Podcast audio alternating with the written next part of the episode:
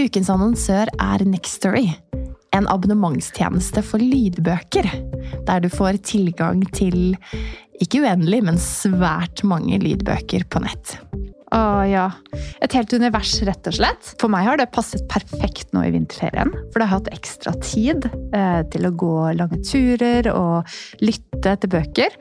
Og så har jo vi en date i kveld, eh, Ingvild. Eh, vi skal på teater og se Anna Karenina. Så da bestemte jeg meg for å bruke Next Story for å lese gjennom den på nytt.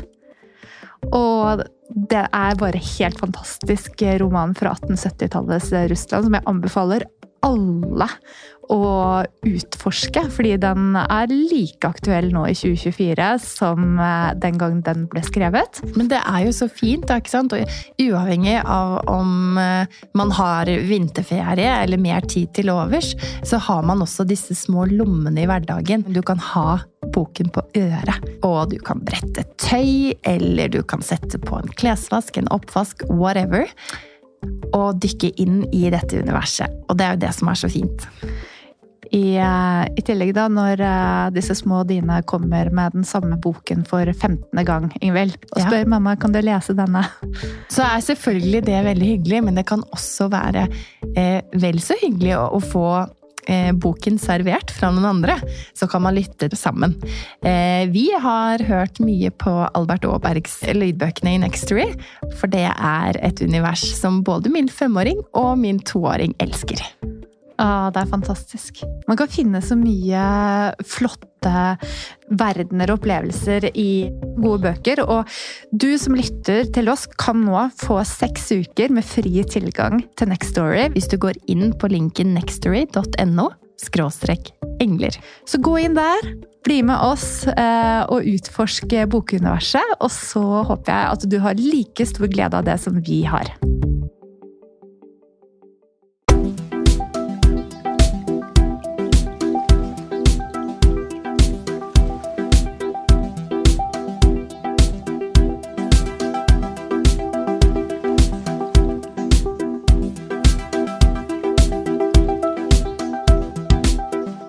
Velkommen til Engler og hormoner.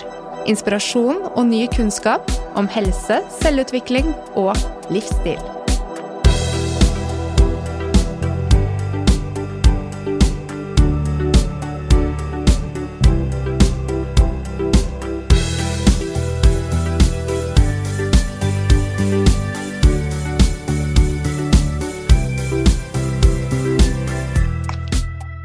Hallo! God aften, kan vi vel egentlig si nå. Hjertelig velkommen, eh, Kristine. Tusen takk, nok en gang. Hvordan har eh, reaksjonene vært eh, etter din podkastdebut på tirsdag? du, det har vært Jeg syns det har vært Er det lov å si overveldende? Det har vært veldig hyggelig. Det har vært veldig mange som har skrevet. Eh, mange jeg kjenner fra før. Mange jeg kjenner fra tiden da jeg hadde plagene, altså da de var som verst. Og, eh, men også noen nye bekjentskaper. Så nei, det har vært veldig veldig fint. Jeg syns også vi har laget en utrolig fin episode. Eh, da jeg hørte den selv. Jeg syns vi får løftet fram mange viktige ting, og det er også tilbakemeldingen fra, fra de som har valgt å skrive, at de, at de syns det var fint å høre på og mye viktig som kom fram. Og så har vi jo spart på litt krutt, kan vi si det sånn? Vi kan si det sånn. For det var noen av de elementene som vi var innom i podkastepisoden som ble publisert eh, før denne, eh, som vi hadde lyst til å utdype litt sammen med deg, Kristine, pga. din erfaring og din fagkunnskap. Det er mange som har kalt eh, deg modig etter at du valgte ja. å stille opp i en podkast og dele din som mange ser på som en sårbar historie. Eh, kanskje dobbelt sårbar, eh, både med tanke på endometriosen og den ufrivillige barnløsheten. Har du noen mm. tanker mm. om det? Ja, det er faktisk et veldig godt poeng. Det er mange som har truffet det samme ordvalget. Modig. Og det kan jeg jo forstå, og samtidig så var vi jo inne på det i episoden som ble sluppet tirsdag, at for meg har åpenheten vært veldig, veldig viktig i disse vanskelige prosessene. Så man kan si sånn, dette med modig, jeg tenker at det avhenger litt av om det er fagpersoner som sier det, eller om det er privatpersoner som sier det. fordi at hvis jeg tar på meg fagpersonhatten, så tenker jeg at i det vi sier at det er modig, så er det litt også anerkjenne det at det er veldig tabubelagt. Mm. Det å havne utafor på den måten som man gjør når man har langvarige og, og for noen kroniske smerter, eller problemer med å å bli gravid. Jeg kjente jo utrolig på det at altså, i smerteforløpet så kunne jeg jo ikke gjøre i nærheten av hva jeg hadde kunnet før. Jeg kunne ikke bidra på samme måten, verken sosialt, på jobb, i parforholdet. Og i forhold til den ufrivillige barnløsheten, som jo sto på i mye lengre tid, så kjente jeg jo på at jeg feila enormt. Selv om jeg rent Altså, jeg visste jo at det på mange måter ikke var noe gærent med meg, men det endret ikke på følelsen av at det var det. Mm. Ikke sant? Det å ikke klare det selv og det å liksom kjenne på alle de vonde følelsene som er forbundet med det, da. Eh, I forhold til å Ja, ikke sant. Man underkjenner nærmeste det. Samtidig så kan man oppleve det som vanskelig at folk får barn nummer to og nummer tre når du ikke engang har fått prøve å være gravid. Mm. Så jeg, jeg, tenker at, at vi som fagpersoner, hvis vi sier at vi syns at det er modig at enkeltpersoner står fram og snakker om dette, at vi kanskje kan være litt modige på deres vegne. Vi som er interessert i å møte disse pasientene som, eh, som har sånne utfordringer. Jeg tenker at vi kan åpne opp for noen av de tematikkene. Er du ikke enig? Jo, absolutt. Det er så viktig å tørre å stille de spørsmålene, og det blir gjerne tatt imot med så stor glede. Og bare endelig så kan vi liksom ja, prate litt rundt disse tingene som for mange kan være vanskelig å ha, kanskje ha andre å prate med det om, da. Nemlig. Ja.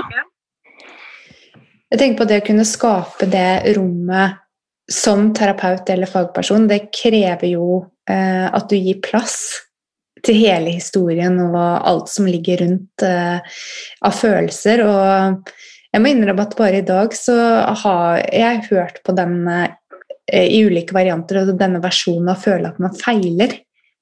Eh, mm. På bakgrunn av sin diagnose, sin funksjonsnedsettelse. Eh, og kanskje feiler i forhold til sine egne forventninger, eller det man anser som samfunnets forventninger til hva du skulle kunne prestere som nybakt mamma, som en mm. kjæreste i et parforhold der sex er smertefullt, eh, osv. Eh, veldig mye med typiske kvinneutfordringer at når vi ikke står til normen, så feiler vi. Ja, ikke sant. Og det Jeg får frysninger nå, fordi at det, akkurat de tingene dere nevner nå, det eh, Altså, jeg har følt på det, og så kan jeg tenke sånn Er det, er det virkelig mulig at det skal være være så vanskelig eh, å kalle det passe inn når man har det Hva skal man si Når man, eh, når man utfordres, som jeg har gjort, og som deres pasienter gjør. Og, og som du sier, det, det rammer kvinner oftere. Mm. Mm. Vi har mange roller å fylle. Ikke sant? Vi har veldig mange roller å fylle. Mm. Men hva er det disse tingene her eh, gjør, da? Vi, ikke, vi, var jo litt inne på dette her med stress og langvarig stress og, og valg og betennelsestilstander i kroppen osv. Kan, vi, kan vi komme litt mer inn på hva er det alt dette som vi egentlig har startet innledningsvis eh, med, hva er det det gjør med oss og i kroppene våre? Ja, eh, vi snakket jo kort om forskjellen på kortvarig og langvarig smerte. Og vi er jo over i den langvarige smerten når vi snakker om endometriosepasienter. Ehm, og dette med smerte, stress forbundet med når smerten skal oppstå, smerte som bygger på seg, eh, det aktiverer jo nervesystemet vårt. Eh, og man kan jo si Mange kjenner jo til eh, fight and flight-responsen og tilsvarende rest and digest.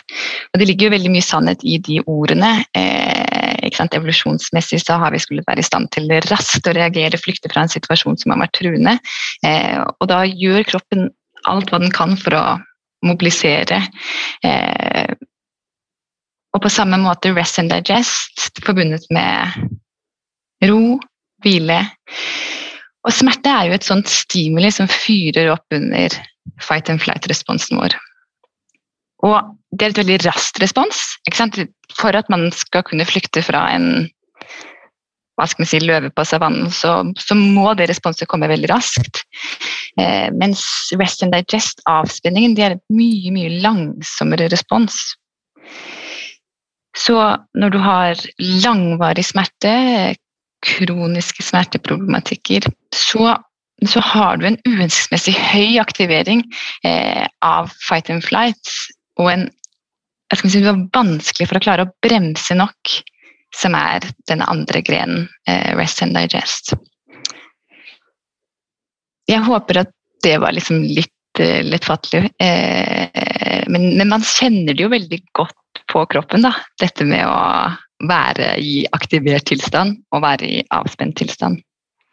Man gjør jo det både Ja, for det med, med, dette sympatiske nervesystemet som blir eh, superaktivert ved, ved, smerte, og ja, over, ved langvarig smerte, så påvirker jo det i aller høyeste grad hormonsystemet vårt også.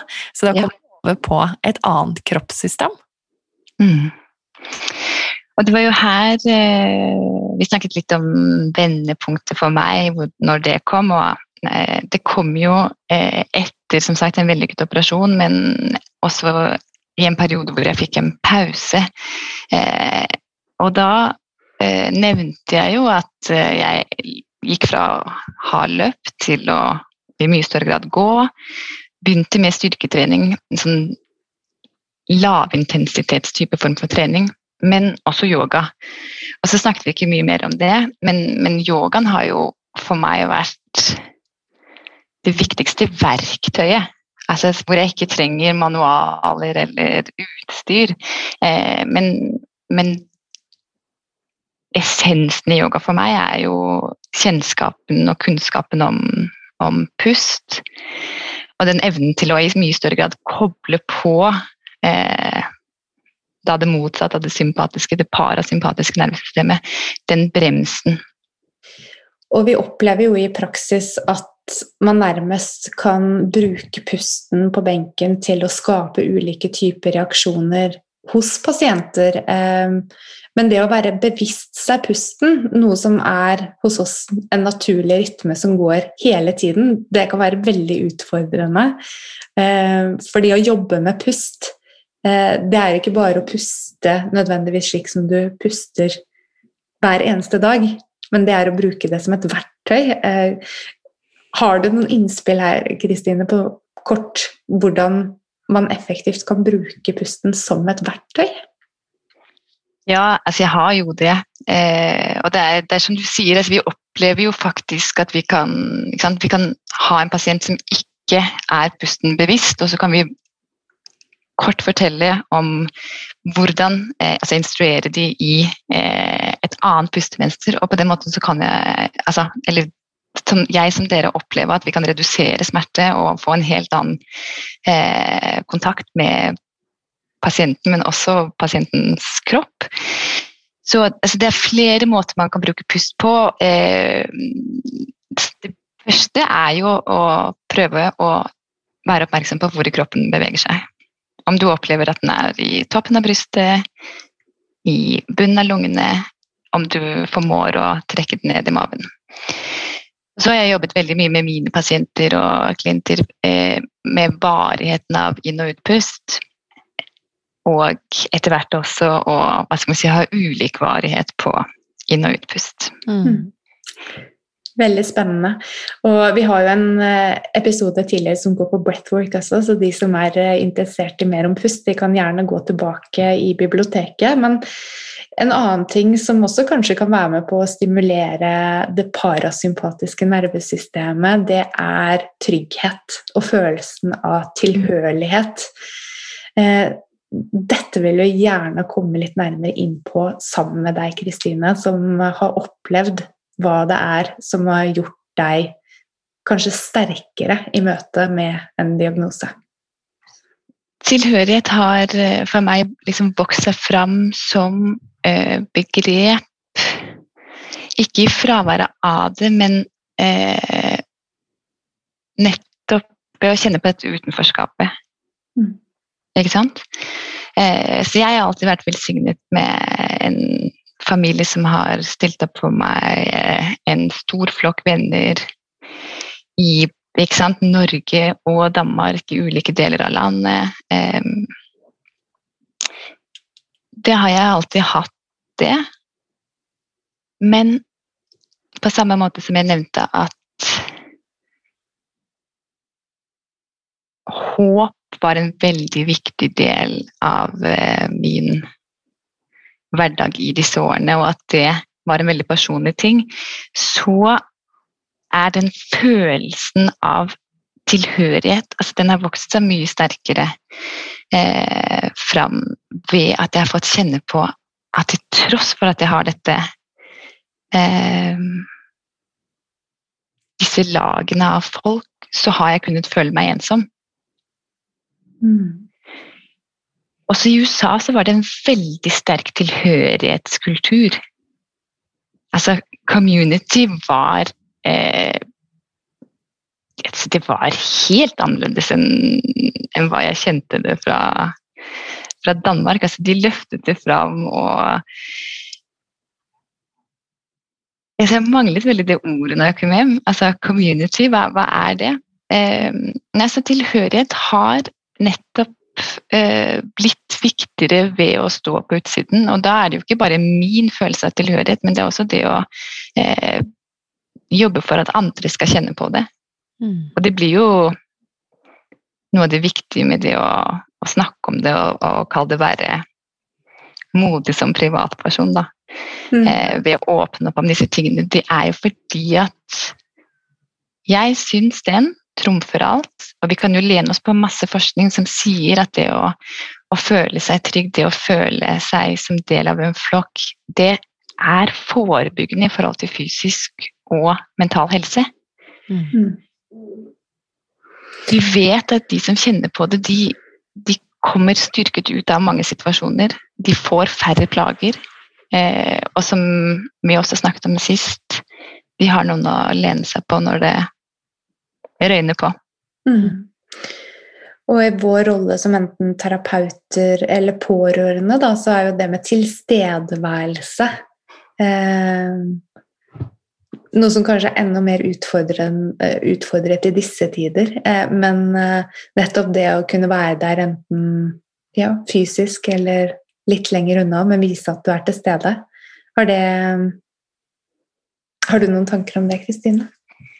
Ja, jeg, jeg, jeg, og det er nettopp i den grad jeg mener at det er viktig at vi fokuserer på det. For det trenger ikke å være eh, din nærmeste familie eller dine nærmeste venner som gjør at du kjenner på den type tilhørighet eh, som, si, som, er en sånn, sånn litt utvidet følelse. Det kan nettopp være en terapeut som er et tidsvitne i ditt sykdomsforløp og igjen så kommer vi tilbake til dette med at hopper man mellom behandlere, som i verste fall ikke kommuniserer godt sammen, så mister du litt den tidslinjen som kan være veldig, veldig viktig.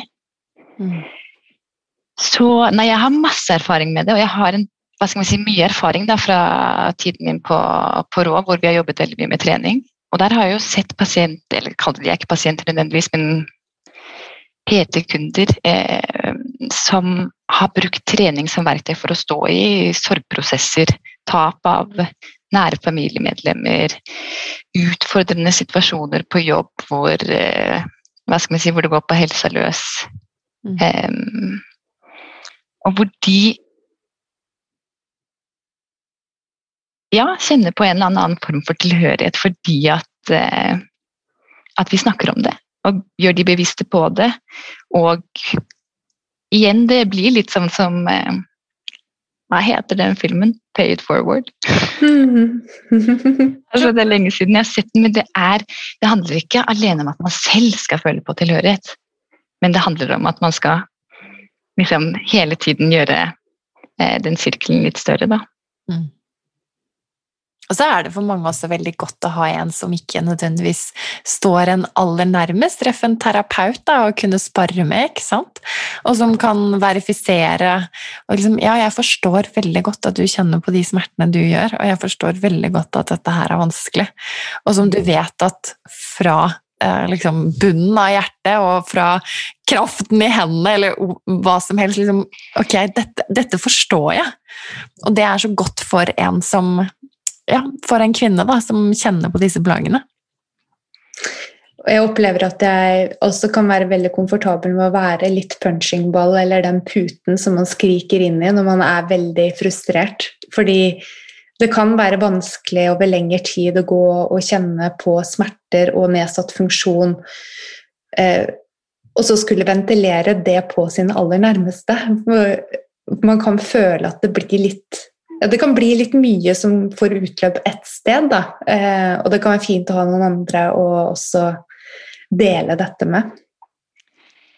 Det er nemlig det, og eh, det tenkte jeg veldig over. Som sagt, jeg sa at håp var veldig viktig for meg. Eh, og, og, sorg var også veldig til stede eh, veldig, veldig lenge.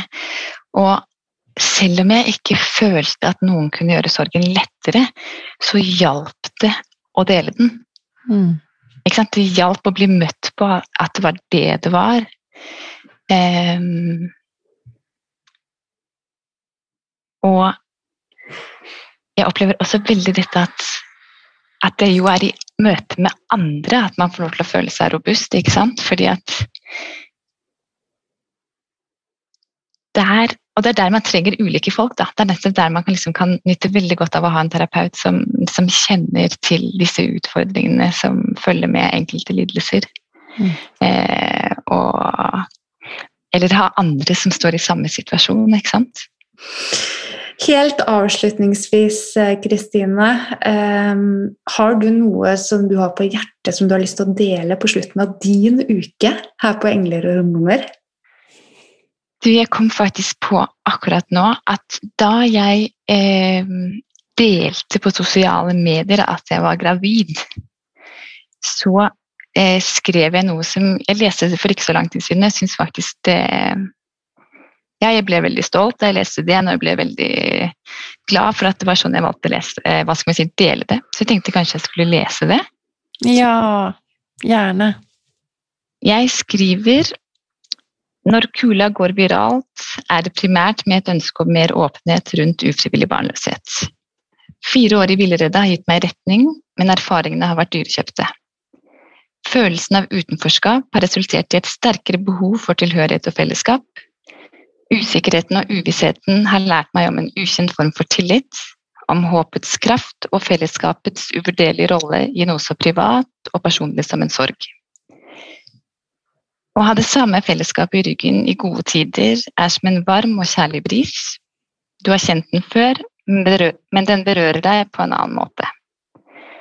Tabuene, de vanskelige og vonde følelsene, har fått fram de verste sidene i meg, men også løftet fram de beste, deriblant åpenheten. Den blir gang på gang møtt med ærlighet, sårbarhet og nærhet fra andre som står i noe utfordrende, en sann gave er hjertelig takk til alle mine nære og kjære, til mine mer perifere, men kloke og lyttende venner, og til alle mine nye bekjentskaper som våger åpenhet. Mm. Det var helt nydelig, Kristine. Tusen hjertelig takk for at du delte en så fantastisk ærlig og ja, sårbar, men sterk, fin tekst. I forbindelse med annonseringen av din graviditet med Sonja. Jo. Tusen takk som hva skal jeg si, som igjen får lov til å dele. Det har vært og er veldig, veldig fint. Jeg håper episoden når eh, dit den skal. Skal vi si det sånn? Ja. La oss stole på det. La oss stole på det. Heldigvis så lever podkaster for alltid. God helg, da, dere. God helg. God helg. Ha det.